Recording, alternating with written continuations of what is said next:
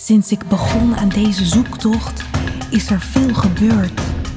Luisteraars raakten geïnspireerd. Ze gingen aan de slag met de inzichten en lessen uit de afleveringen. We begonnen een Creative Changemaker klas die iedere ronde vol zit. En we zien verandering. Maar we kregen ook vragen van luisteraars.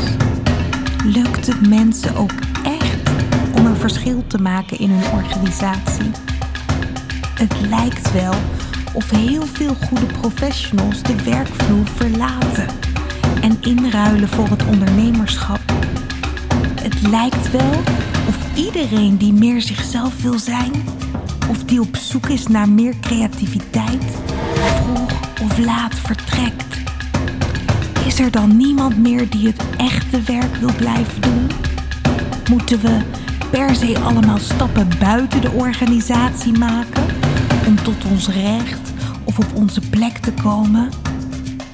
Of is het ook mogelijk om als creatieveling of veranderaar binnen het primaire proces te blijven? Laten we onderzoeken hoe het in praktijk gaat met mensen die de uitdaging aangingen. Je hoort Creative Changemaker in het wild. In deze aflevering hoor je het verhaal van Floor van der Waterreus. Floor werkt als projectmanager Learning and Development bij een grote organisatie voor kinderopvang. Ze houdt zich dus bezig met het thema leren en ontwikkelen. Floor is van nature creatief. Ze heeft veel ideeën en ze ziet in elke situatie wel kansen en mogelijkheden.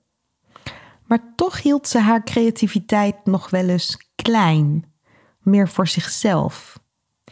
En door haar eigen leer- en ontwikkeltraject vorm te geven, waarbij ze zich heel bewust verdiepte in faciliteren, zakelijke creativiteit, werkgeluk, kon ze uiteindelijk binnen de organisatie een unieke plek voor zichzelf vormgeven. Een plek waarin haar creativiteit steeds meer wordt gezien en herkend, waardoor ze nu veel minder moeite hoeft te doen om speelruimte voor zichzelf te creëren. In deze aflevering hoor je de persoonlijke zoektocht van Floor en wat zij deed om dit voor elkaar te krijgen. Chaos in de orde. De zoektocht. Floor, welkom. Nou, dankjewel.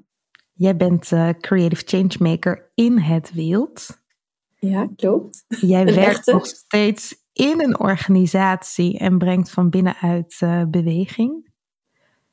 Daar gaan we het over hebben in deze aflevering. Maar eerst voor we, voordat we het gaan hebben over je werk nu ja. uh, en wat je precies doet, ben ik altijd zo nieuwsgierig. Ja, wat wilde jij vroeger worden als kind? Weet je dat nog? Ja, dat weet ik heel goed. Want ik heb een zoontje van 4,5, dus we hebben het daar heel veel over. En ik wilde cowgirl worden. Wauw, uh, cowgirl. Ja. ja, ik was een echt paardenmeisje. Uh, stiekem ben ik het dus eigenlijk nog. En, uh, en ja, ik zag dat helemaal voor me.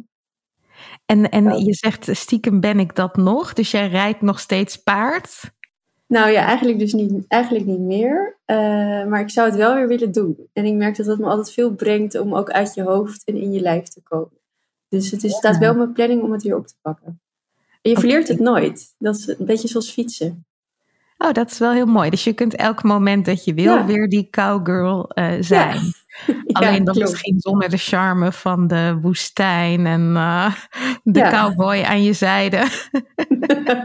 ja, precies. Ja, nee, dus dat uh, dus wel in het Nederlandse, maar ja, nee, het zou elk moment wel weer kunnen.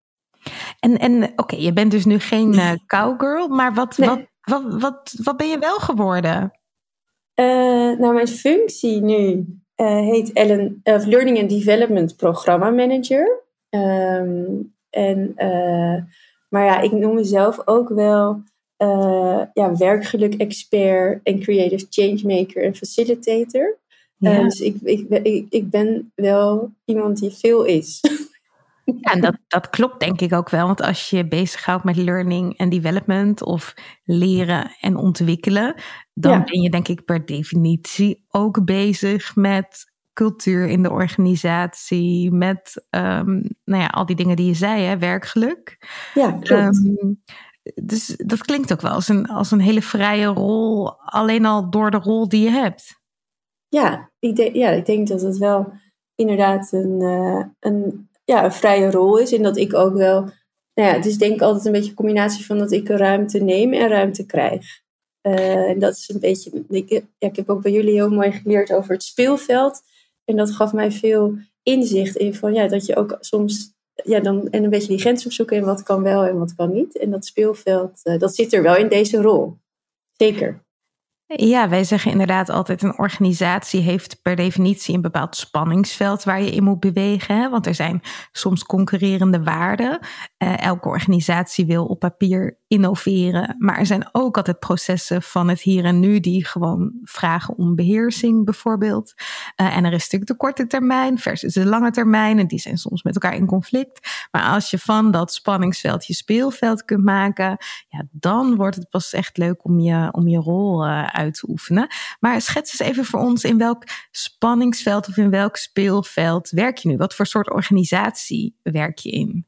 Uh, ja, ik werk bij Company Kinderopvang. Uh, dat is een kinderopvangorganisatie opgericht in 2003.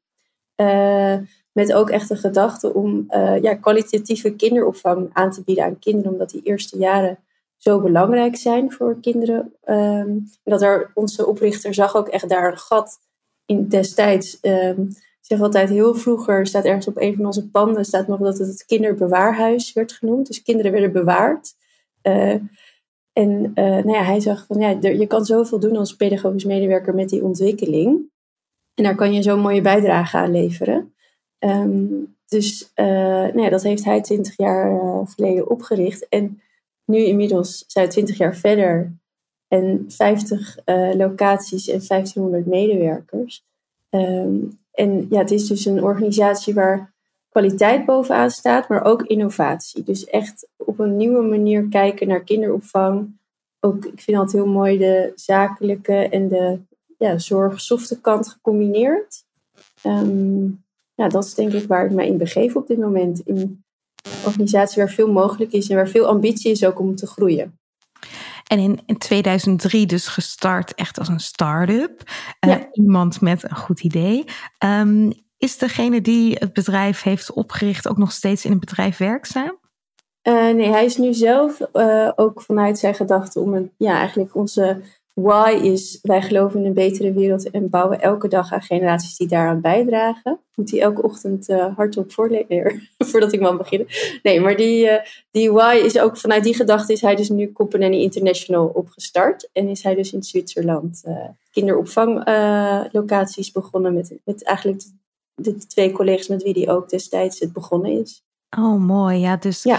Uh, eigenlijk weer opnieuw in een start-up fase terecht ja. uh, gekomen. Ja. Nou ja, ik, ik, vroeg het met name omdat ik me kan voorstellen dat een organisatie die zo klein start, met een eigenaar die echt zelf ook een uh, heel goed idee heeft, echt die start-up cultuur waarin ja, de organisatie eigenlijk ook nog zo klein is dat er niet echt regels zijn, niet echt structuren. Daar is natuurlijk uh, ja, in het DNA zit al iets van spelen en uittesten en experimenteren en groeien. En dan vervolgens met de uitdagingen van die groei omgaan.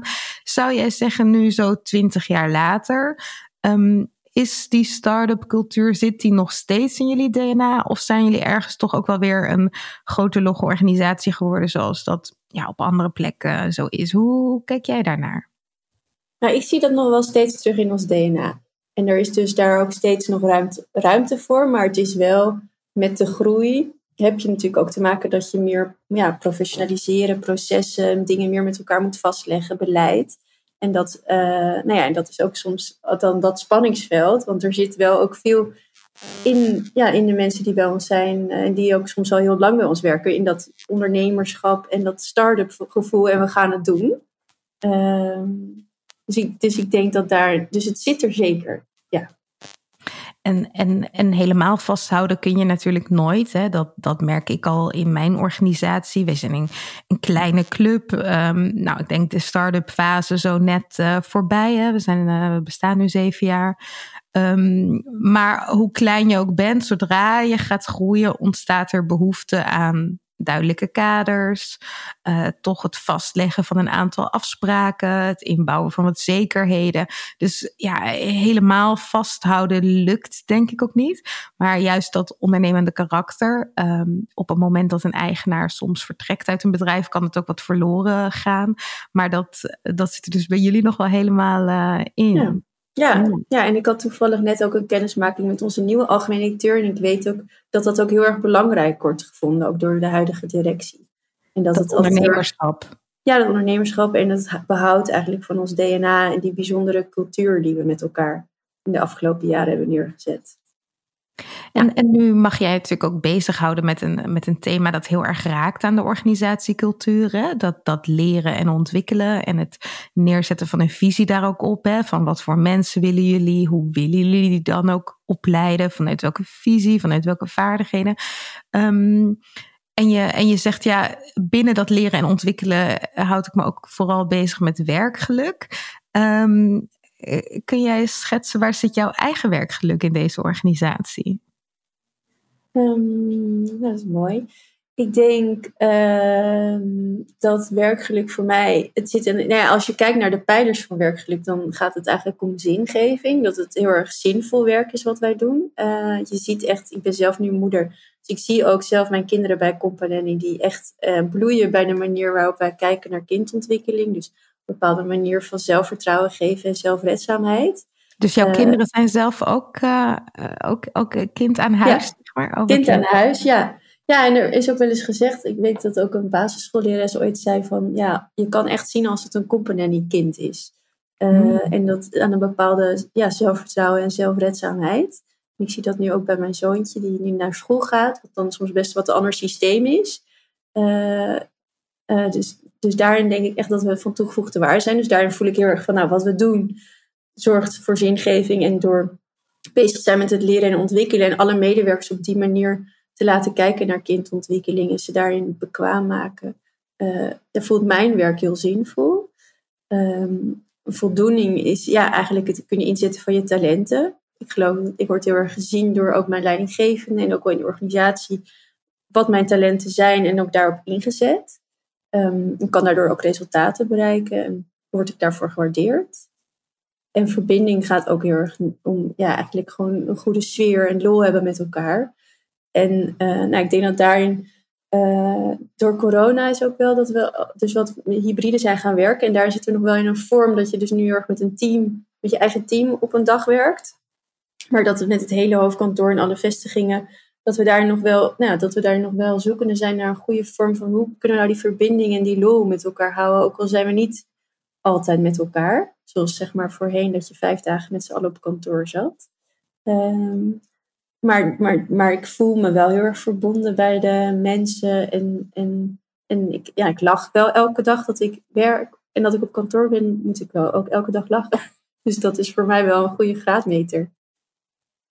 En, en op welke manier, want, want voor jouzelf is dus dat werkgeluk gelukkig heel uh, voelbaar. Het zou ook wel heel vreemd zijn als je met dit onderwerp moest werken en het dan zelf niet, uh, niet voldoende zou ervaren.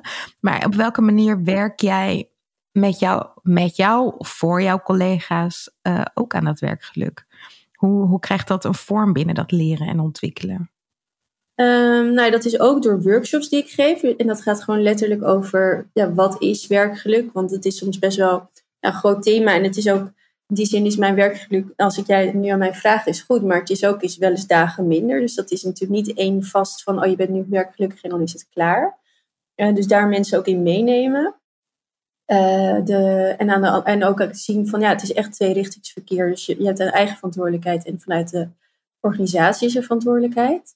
En daarin dan dus ook, uh, ja, eigenlijk vanuit HR kijken we dan heel erg van wat kunnen wij als organisatie nou doen om medewerkers werkgelukkiger te maken. En dat, dat gaat dus echt op, nou ja, op allerlei niveaus van, van de zorgen voor meer verbinding onderling, kijken naar wat voor manier we dat kunnen bewerkstelligen. Dus ik weet nu dat een thema is meer successen met elkaar vieren, dat we heel veel bereiken met elkaar, maar dat we soms te weinig stilstaan bij wat we allemaal bereiken. Nou, dat is dan iets wat uit bijvoorbeeld een, uh, een gesprek komt um, of teamsessies. En dan gaan we daarmee aan de slag. En dan heb ik ook een signalerende functie daarin. Om dat dan, uh, of daar dingen voor te bedenken. En, en wat voor soort dingen bedenk je daar dan voor? Wat, wat, wat voor ja, vormen hebben jullie gevonden? Uh, nou ja, wat, wat wel een mooie is, waarin ik denk ik als, als dan als changemaker wel een rol in heb, is dat we elke week hebben we een weekstart met alle vestigingsmanagers van alle locaties in het hele hoofdkantoor. En dat is dan online.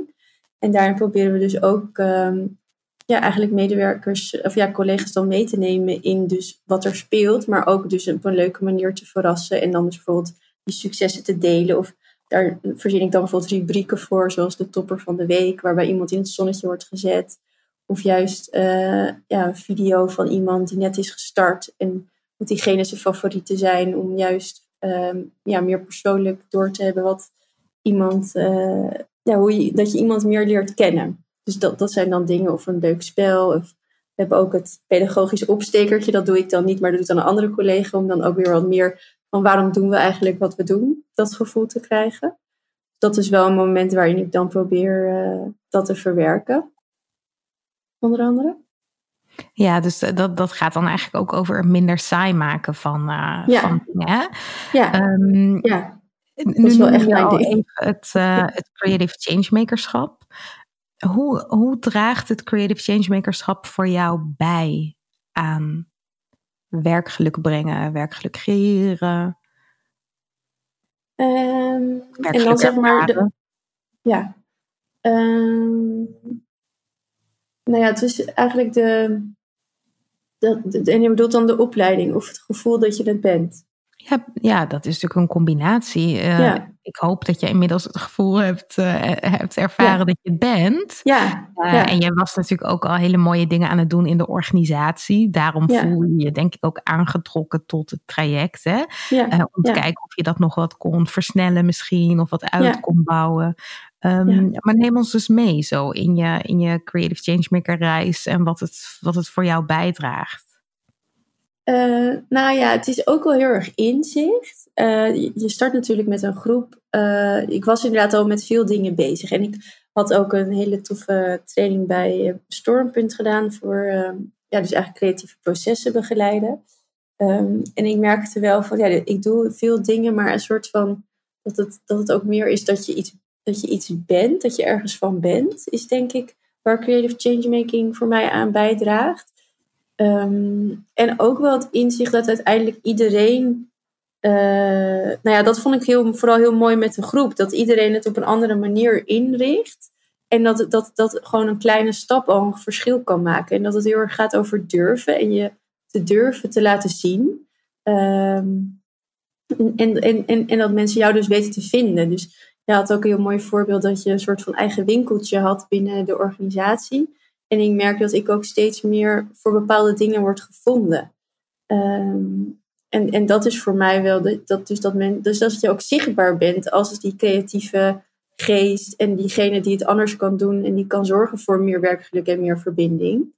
Um, dat je, dus dat je niet alleen maar, ja, en dat kan dus beginnen in je eigen team, maar dat dat dus ook binnen de organisatie wordt gezien en dat je dus eigenlijk een soort van eigen winkeltje krijgt waarin je uiteindelijk dan zoveel gevraagd wordt dat je dan iemand nodig hebt dat je de beweging moet gaan opzetten. Maar dat is wel echt voor mij dat het mij heeft gebracht. Uh, ja, die zichtbaarheid en inzicht in van wat is cultuur, wat is verandering. En ook van dat het al soms al een kleine stap is, al een eerste stap, dat dat ook al goed is. En dat je dan ergens komt. Nou ja, en dat het ook altijd, denk ik, bij die eerste stap begint. Juist die eerste stap die veel mensen niet nemen, omdat ze bijvoorbeeld de overtuiging hebben van ja, maar ik ben er niet formeel van. En dat is inderdaad wel mooi dat je dat zei, van die, dat inzicht van ja, wie is nu eigenlijk van de organisatiecultuur? Dat, dat ben ik ook, ja. Uh, ongeacht de rol. En wat ik uh, ook mooi vond en wat mijn collega's ook mooi vonden om bij jou te zien, um, je was al creatief bezig. Maar vaak is het ook zo bij mensen die creatief zijn in een organisatie, dat, dat ze die creativiteit eigenlijk nog heel klein houden. Hè, voor zichzelf, voor hun eigen team, zoals je dat ook benoemde. Ja. En ja, daarom werken we ook zo bewust aan dat intrapreneurschap, ja. uh, dat interne ondernemerschap, om echt te laten zien in de organisatie wat jij kunt brengen vanuit jouw unieke winkel, met jouw unieke talenten. En ja. Jouw unieke interesses en het hele rugzakje vol creatieve vormen dat jij dan hebt ontwikkeld voor jezelf. En volgens mij ja, juist in jouw organisatie, waarvan je zegt van ja, dat ondernemerschap zit nog heel erg in het DNA en er wordt ook heel sterk om gevraagd, is het natuurlijk wel heel belangrijk dat je je dan niet gaat zitten verstoppen met je talenten. Nee. Ehm, voelde het voor jou voorheen nog wel eens uh, spannend om echt uh, ja, te laten zien wie jij helemaal bent en met alles wat je in huis hebt? Ja, zeker. Dat voelt zeker spannend. En daarom is mijn tip is om ook echt pilots te doen en het ook zo te noemen. En dat vind ik heel erg, want ik merk dat dan als ik dus soms nieuwe dingen doe. Um, en dat kan echt bijvoorbeeld wel in het, op teamniveau zijn. Dat we op, op een, bijvoorbeeld, ik vind het heel belangrijk om ook meer in meetings. Ik merk eigenlijk is de gemene deler, iedereen wil meer verbinding met elkaar. Dat, dat, dat is in ieder geval iets wat, heel, wat ik heel erg veel terug voorkomen. Maar we gaan allemaal door en het is snel En om dus in meetings bijvoorbeeld ook een check-in met elkaar te doen. Om ook tijd te maken om elkaar beter te leren kennen op een persoonlijk vlak. Ehm, is dan een van mijn dingen die ik dan nu ook probeer. Uh, en, dan, en dan soms, en dan, nou ja, dat had ik laatst, was ik door jou geïnspireerd op Instagram. Want jij leuk met allemaal, uh, ja, hoe dat, uh, buttons en dingen van uh, ja, hoe dat? Uh, ja, klopt. Ja, dat, was ja. Een, dat was ook Met die vragen eraan. in werkvorm. En had ik allemaal grappige voorwerpjes in een leuk tasje. En dan krijgen mensen zo'n tasje. En dan zit daar bijvoorbeeld zo'n verjaardagstoetertje in. Van ja. wat, wat, heb je, wat heb je te vieren met ons? Of iets anders, een ander voorwerp wat weer metafoor is. Ja, dat, dat, is, dat is een leuke vorm. Ja, en ik had hem inderdaad iets anders ingestoken. Dus dan kwam iedereen binnen en dan konden ze een attribuut pakken. En dan uiteindelijk hing er, en dan had iedereen dus iets gekozen, dus een gum of een, inderdaad een toeter of iets. En dan kon, hing daar een vraag aan. Dus dat merkten ze daarna. En ik merk dat dat dus dan heel goed uh, werkt, want mensen zijn verrast. Maar ik, om het dus voor mezelf dan wat minder spannend te maken, is dat ik zal zeggen: Oké, dit is een pilot of het leuk is. En dan vraag ik ook daarna feedback of mensen het leuk vonden.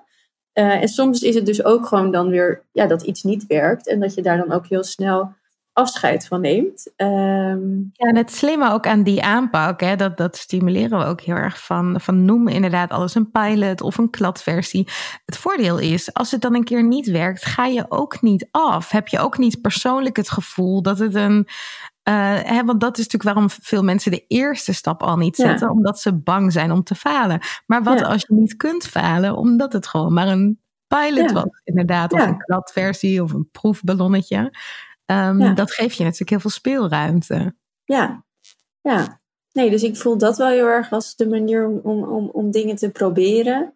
En er dan ook, en dan moet je het ook niet dan eindeloos dan daarna doorzetten, natuurlijk, als het inderdaad niet blijkt te werken. Maar dat geeft je veel ruimte en daardoor, nou ja, daardoor krijg je ook gelijk feedback hoe iets is gevallen, bijvoorbeeld. En heb jij dan ook de ervaring dat als je het, uh, het als een pilot aanpakt of als een pilot presenteert, dat je ook uh, lang niet altijd toestemming hoeft te vragen? Ja. ja. Ja, want dan kan je het inderdaad proberen. En uh, ja, nee, dat klopt. Ik denk dat dat ook wel eens wordt uh, overschat, hè? het belang van toestemming. Ja. ja, en ik denk wel uiteindelijk dat dat heeft natuurlijk ook heel erg te maken met hoeveel impact het op de organisatie heeft. Want wij doen ook echt pilots met hele, nou ja, dat gaat echt om functies en dat is op een ander niveau. Maar zeker nou ja, binnen de kaders van het creatief denken, meer verbinding, meer werkgeluk, zijn er heel veel dingen die je volgens mij kan proberen. En ik merk ook dat nou ja, dat er toch best wel heel erg, als je het dan hebt over werkgeluk, dat mensen eigenlijk toch wel veel aan dezelfde dingen behoefte hebben, maar dat dan ook lastig vinden inderdaad om dan zelf te starten. En soms is het dan ook van, ja, dat is er niet of dat is niet in de organisatie, maar probeer ik mensen ook zelf van, ja, oké, maar wat is jouw aandeel? En als jij ook successen niet deelt, dan kunnen we ze ook niet vieren. Ja. En wat is dan een succes voor jou bijvoorbeeld? Uh, ja, dus daarin uh, en dat is ook wel die bewustwording dat cultuur iets is dat we met z'n allen maken. En inderdaad, op, uh, in je dagelijkse werk zijn er waarschijnlijk heel veel dingen waar luisteraars nog niet eens aan denken. Die ze, die ze zelf zomaar eens kunnen testen, hè, waar geen toestemming voor nodig is. En voor uh, projecten die meer impact maken, geldt op een bepaalde manier hetzelfde. Daar heb je natuurlijk wel.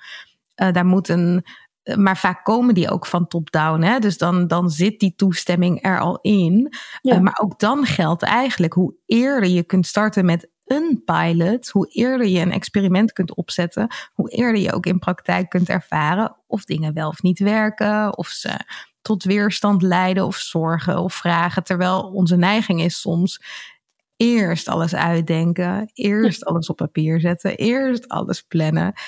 En dan heb je eigenlijk al zo ontzettend veel tijd uh, verloren. Ja.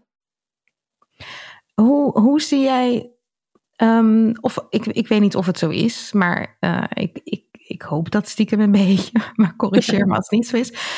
Doordat jij nu meer die creative changemaker rol bent gaan pakken en nog wat meer bent gaan, gaan spelen en jezelf nog wat meer zichtbaar hebt gemaakt, gemaakt, heb je het idee dat dat ook aanstekelijk heeft gewerkt voor je collega's? Nou, toevallig kreeg ik, uh, heb ik al twee gesprekken met collega's gehad die graag ook meer met creativiteit willen doen. Die dus een bepaalde rol, functie nu hebben en merken dat ze eigenlijk niet daarin al hun talenten kwijt kunnen. En die dus bij mij kwamen van, joh, hoe doe jij dat? En ik wil graag van je leren. Dus daarin voel ik wel uh, dat dat dus wel wordt gezien en dat, men, dat er dus ook behoefte aan is. Dus dat vind ik heel leuk om ook daarin mensen mee te nemen en wat ik ook bij de opleiding heb geleerd, maar ook mijn eigen ja, idee daarbij. En dan is ook eigenlijk mijn advies dus van, nou ja, begin met een eerste stap en, en, uh, en ja, bouw dat dan langzaam uit. Ja, mooi om te zien dat je, dat je want dat is alweer eh, bijna een, een leren- en ontwikkelvraag, zeg maar. Ja. Ja, ja, mooi. En in jouw eigen team heb je nu het idee dat, dat, dat, het, dat er nog steeds wel eens gek gereageerd wordt op creativiteit? Of is het nu gewoon echt ingeburgerd in jullie cultuur? Uh, nee, in mijn eigen team zijn ze volgens mij wel uh, heel erg gewend aan van, oh, dit is een creatief idee van Floor. En uh, word ik daar ook wel voor gevraagd. Nee, dus nee, dus dat zie ik wel in mijn eigen team echt, dat zij dat, dat ook waarderen en dat dat ook als, als positief wordt ervaren. En zijn er, eh, zijn er gebieden waarvan je zegt van ja, daar ben ik nog wel echt een beetje zoekende in? Uh, dat vind ik lastiger of... Um... Nou ja, ik denk dat het ook wel soms tijd is. Maar dat is dan ook weer gelijk van hoe groot wil je de stap uh, maken. Maar ik vind zelf bijvoorbeeld nu heel tof om ook weer meer met het visuele, dus het zakelijk tekenen bijvoorbeeld ook te verwerken. En daar heb ik dan zelf nog wat minder ervaring in. Dus dan, maar dan vind ik het ook leuk om dat bijvoorbeeld even s'avonds voor een meeting te doen, maar natuurlijk niet elke avond. Dus dat is wel, uh, nou ja, daarom probeer ik ook wel zelf oké, balans van wat kan wel en wat kan niet. En niet te veel tegelijk te willen. Uh, maar dat is denk ik nog wel waar ik het af en toe nog lastig vind. Dat ik dan, dat ik dan te veel wil. Ja, want creativiteit kost ook tijd. Ja, ja precies. Ja. ja. En, en um, het kost natuurlijk tijd, maar het levert ook iets op. Ja. Um, in elk geval dus dat werkplezier, dat werkgeluk. Ja. Levert het soms ook efficiëntie op, denk je? Nou, ik denk als ik bijvoorbeeld, ja, als ik dus echt meetings, ik had laatst ook een, nou, ik gebruik het ook echt heel erg voor creatieve brainstorms en dat doen we best wel veel. Wij zijn, nou ja, wij zijn altijd heel erg bezig met innovatie en hoe kunnen dingen beter en hoe kunnen dingen anders. En ik denk als je zo'n sessie goed begeleid. En dat je zorgt dat iedereen dus ook op een manier in de sessie geland is. En we hadden laatst ook bijvoorbeeld van wat is jouw definitie, definitie van succes? Hadden we als eerste openingsvraag. En dan heb je eigenlijk gelijk al uh, dat je iedereen even afgaat en iedereen landt in de, in de meeting. Maar ook gelijk van hoe zien mensen definitie, definitie van succes van dit project? Um, dus daardoor is het dus eigenlijk efficiënt. Want je, je hebt en iedereen gehoord en is geland. En uh, je hebt eigenlijk een soort van nou ja, antwoord op wat voor iedereen de defini definitie van succes is. Ik loop een beetje vast op dit woord. Mhm. maar um, ja, dus ik, ik zie het wel als iets wat efficiënt. Want kost tijd, maar daardoor worden meetings soms ook sneller. En dat laatst ook een andere brainstorm. En daar heb ik bijvoorbeeld ook echt meer visueel uh, gemaakt van, nou ja, wat, wat, wat, ja, hoe wil je wat bereiken? En daar loop je dan doorheen als een werkvorm. En door zo'n werkvorm uh, worden mensen creatiever en kom je ook ergens. Dus ja, dat geloof ik wel. Ik heb soms ook het idee dat uh, de tijdbesparing met name ook zit in de, in de aanlooptijd van introducties en het aantal vragen dat je krijgt. En ja, typisch van die dingen die in een vergadering eigenlijk alle energie meteen wegzuigen. Hè? Als een introductie veel te lang duurt of als mensen in het begin nog zoveel onduidelijkheid hebben en vragen. En, en dat kan dan ook omslaan in klagen. En dan, dan ben je eigenlijk de groep al kwijt. Terwijl juist zo'n uh, creatieve werkvorm meteen mensen nieuwsgierig maakt. En ehm, een goede instructie als jij daar tijd voor neemt om dat voor te bereiden. En dat, dat moet eigenlijk wel een beetje bij een creatieve werkvorm. Dan, uh, dan is de kans ook kleiner volgens mij dat je de groep uh, verliest. Ja. Is dat ook jouw ervaring? Ja, zeker. En ik vind bijvoorbeeld ook wat jullie heel mooi als voorbeeld om ook dat weerstandstuk, zeg maar, al in je, bijvoorbeeld in je werkvorm uh, te benoemen als je bijvoorbeeld iets gaat bedenken. En dat doordat eigenlijk dat, je alle, dat alle mensen eigenlijk al even mogen klagen tussen aanhalingstekens. Um, en weerstand benoemen rondom, rondom een thema. Dat, dat je daardoor ook sneller tot de oplossingen komt. Ja, mooi dat je dat nog even zegt. Dat is inderdaad iets wat wij eigenlijk bijna altijd doen. Hè? Uh, in plaats van te negeren dat er weerstand is. En alleen maar in, dat, ja, in, in een soort creativiteitsbubbel te schieten met elkaar. Dat je de mensen de gelegenheid geeft via een creatieve werkvorm om hun weerstand te uiten. En dan blijft het toch in een positieve energie, maar is wel alles gezegd en zijn in elk geval de emoties die soms uh, heersen rondom een onderwerp of de zorgen inderdaad erkend. En ik denk dat juist dat gezien worden en gehoord worden voor mensen heel, uh, heel belangrijk is, dat daar aandacht uh, voor is. Ja. Um, wat is iets waar jij nog jezelf verder in wil uitdagen of, of in wil groeien de komende tijd? Um, dat is ook wel voor mij, voor deze functie, is vakinhoudelijk echt het learning and development uh, verder. Um, en, en ik denk wat mij wel echt inspireerde, ook was ook de laatste dag van de Creative Changemakers, echt het opzetten van een beweging. Dus ik voel nu wel, wat ik zei, dat er al mensen mij aanhaken en zeggen: joh, Floor, wat tof. En jij meer creativiteit in mijn functie. En hoe kan ik dat doen? En dat ik denk: oh ja, ik zou wel ja, meer een beweging willen opzetten. Dat, dat vind ik wel heel mooi als we dat op een manier, omdat we ook dat ondernemerschap en dat die cultuur zo belangrijk vinden, denk ik dat dat wel nodig is. Wat zou jouw ideaal plaatje zijn voor, voor Companany over vijf jaar of zo? Als jij die beweging tot stand hebt gebracht, wat zie jij dan? Uh, nou, ik zie een combinatie van dat het dat, dat, uh, dat de aandacht voor werkgeluk en werkplezier, dat dat eigenlijk standaard is in de organisatie. Dus dat iedereen weet wat is mijn rol, wat is de rol van de organisatie, wat kan ik verwachten. En dat, en dat eigenlijk gewoon ja, meetings en ja, projectmeetings, dat dat altijd vanuit die gedachte van dat je, uh, nou ja, dat dus dat, dat, dat creatieve werkvormen en daarmee dus ook dan verbinding, dat dat uiteindelijk bijdraagt aan het resultaat, dat dat normaal is. In plaats van dat het een leuk extraatje is, uh, dat het normaal is. Ja, nu is het misschien af en toe nog een leuk extraatje met 1, 2 of 3 changemakers. Ja. Uh, en dat je zegt in de toekomst is gewoon vergaderen zoals we dat vroeger deden, is gewoon niet meer aanwezig. Nee. Nee, mooi, mooi.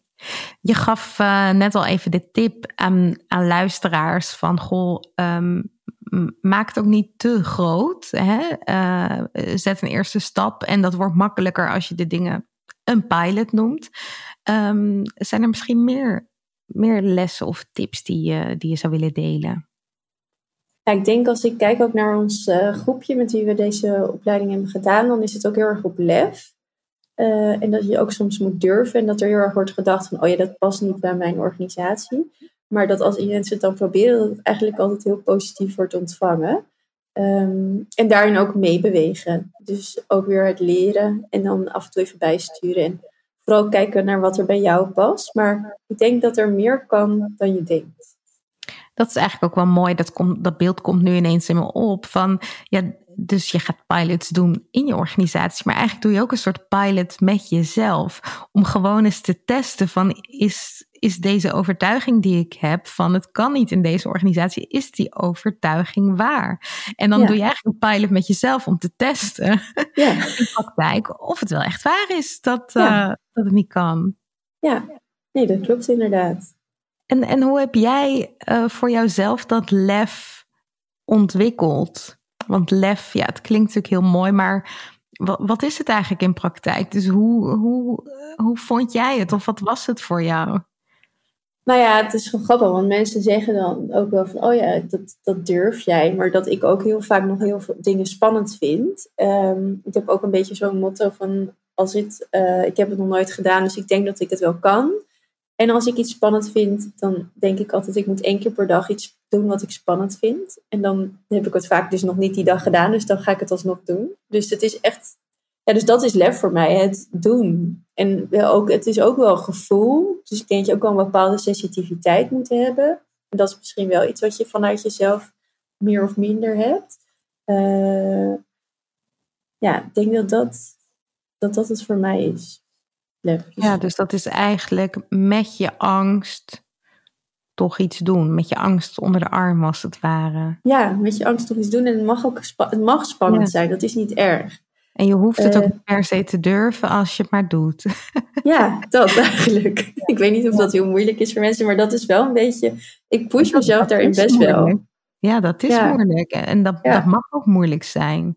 Ja. En je mag ook echt wel rode vlekken in je nek hebben. En ja, ik kan me ook nog wel de allereerste keer herinneren dat ik echt. Uh, ik tekende al veel uh, vroeger in de vergaderingen. Uh, maar dat waren mijn eigen getekende notulen. En de allereerste keer dat ik echt voor een groot overleg daar stond voor de zaal, had ik echt wel klotsende oksels. Maar dat mag ook. Ja. ja, nee, ik had laatst inderdaad ook onze uh, teammeeting en dat had ik ook visueel gemaakt. En die heb ik toen zes keer getekend. En toen drie keer gefotografeerd. En toen dacht ik, ja, zal ik hem nou sturen naar iedereen? Ja, nee, twijfel, twijfel. Toen heb ik het toch gedaan. En toen vond iedereen het heel leuk. Ja. En denk, ja, wat maakt het eigenlijk ook uit? Ik had ook die eerste versie kunnen sturen. Maar het is wel, ja, dat is het wel echt hoor. Ja, wat dan ook wel helpt. En net als dat pilot denken. Dat is gewoon, weet je, de eerste keer is nooit de honderdste keer. Dus als je dit de eerste keer doet, zal het nooit het resultaat hebben um, wat je zal bereiken als je het al honderd keer hebt gedaan. Maar je moet, je moet wel bij die één beginnen om bij de honderd te komen. Ja, um, ja. ja. en zo gaat denk ik ook leren en, uh, ja. en ontwikkelen. Nou ja, en ik denk voor iedereen die hiermee aan de slag wil, zit er ook een wens. Want anders zou je er niet naar luisteren.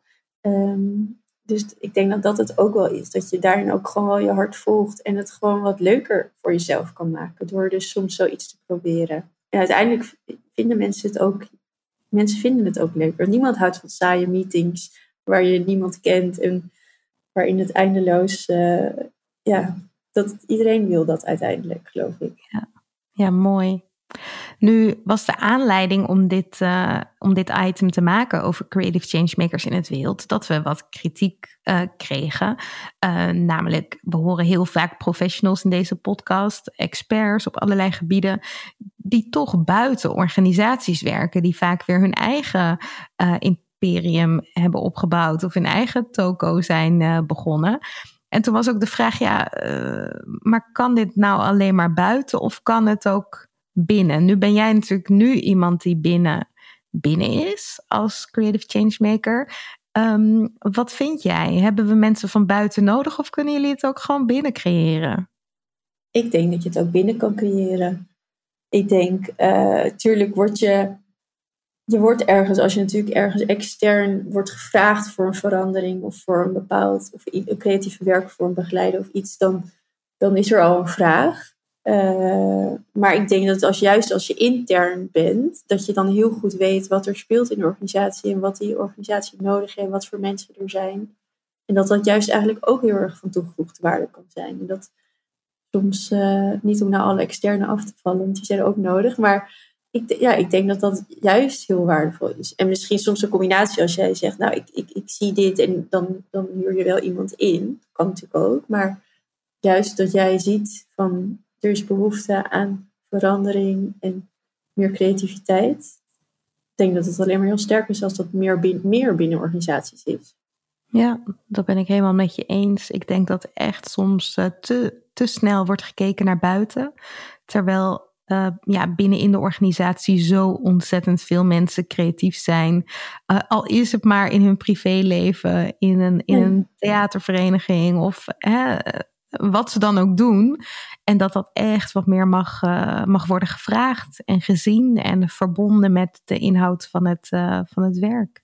Ja, ja en, en pak ook af en toe dat podium. Ja. Misschien uh, kan je wel, als je het goed toneel kan spelen, een bepaalde casus op het podium doen. Of je kan misschien een, een, ja, ik denk gelijk in allemaal ideeën die je dan zou kunnen doen als je een an, ander talent dan creatief denken hebt op creativiteitsvlak. Volgens mij kan je alles wel vertalen naar eigenlijk ook de werkvloer. Om ook jezelf te laten zien hè? als mens.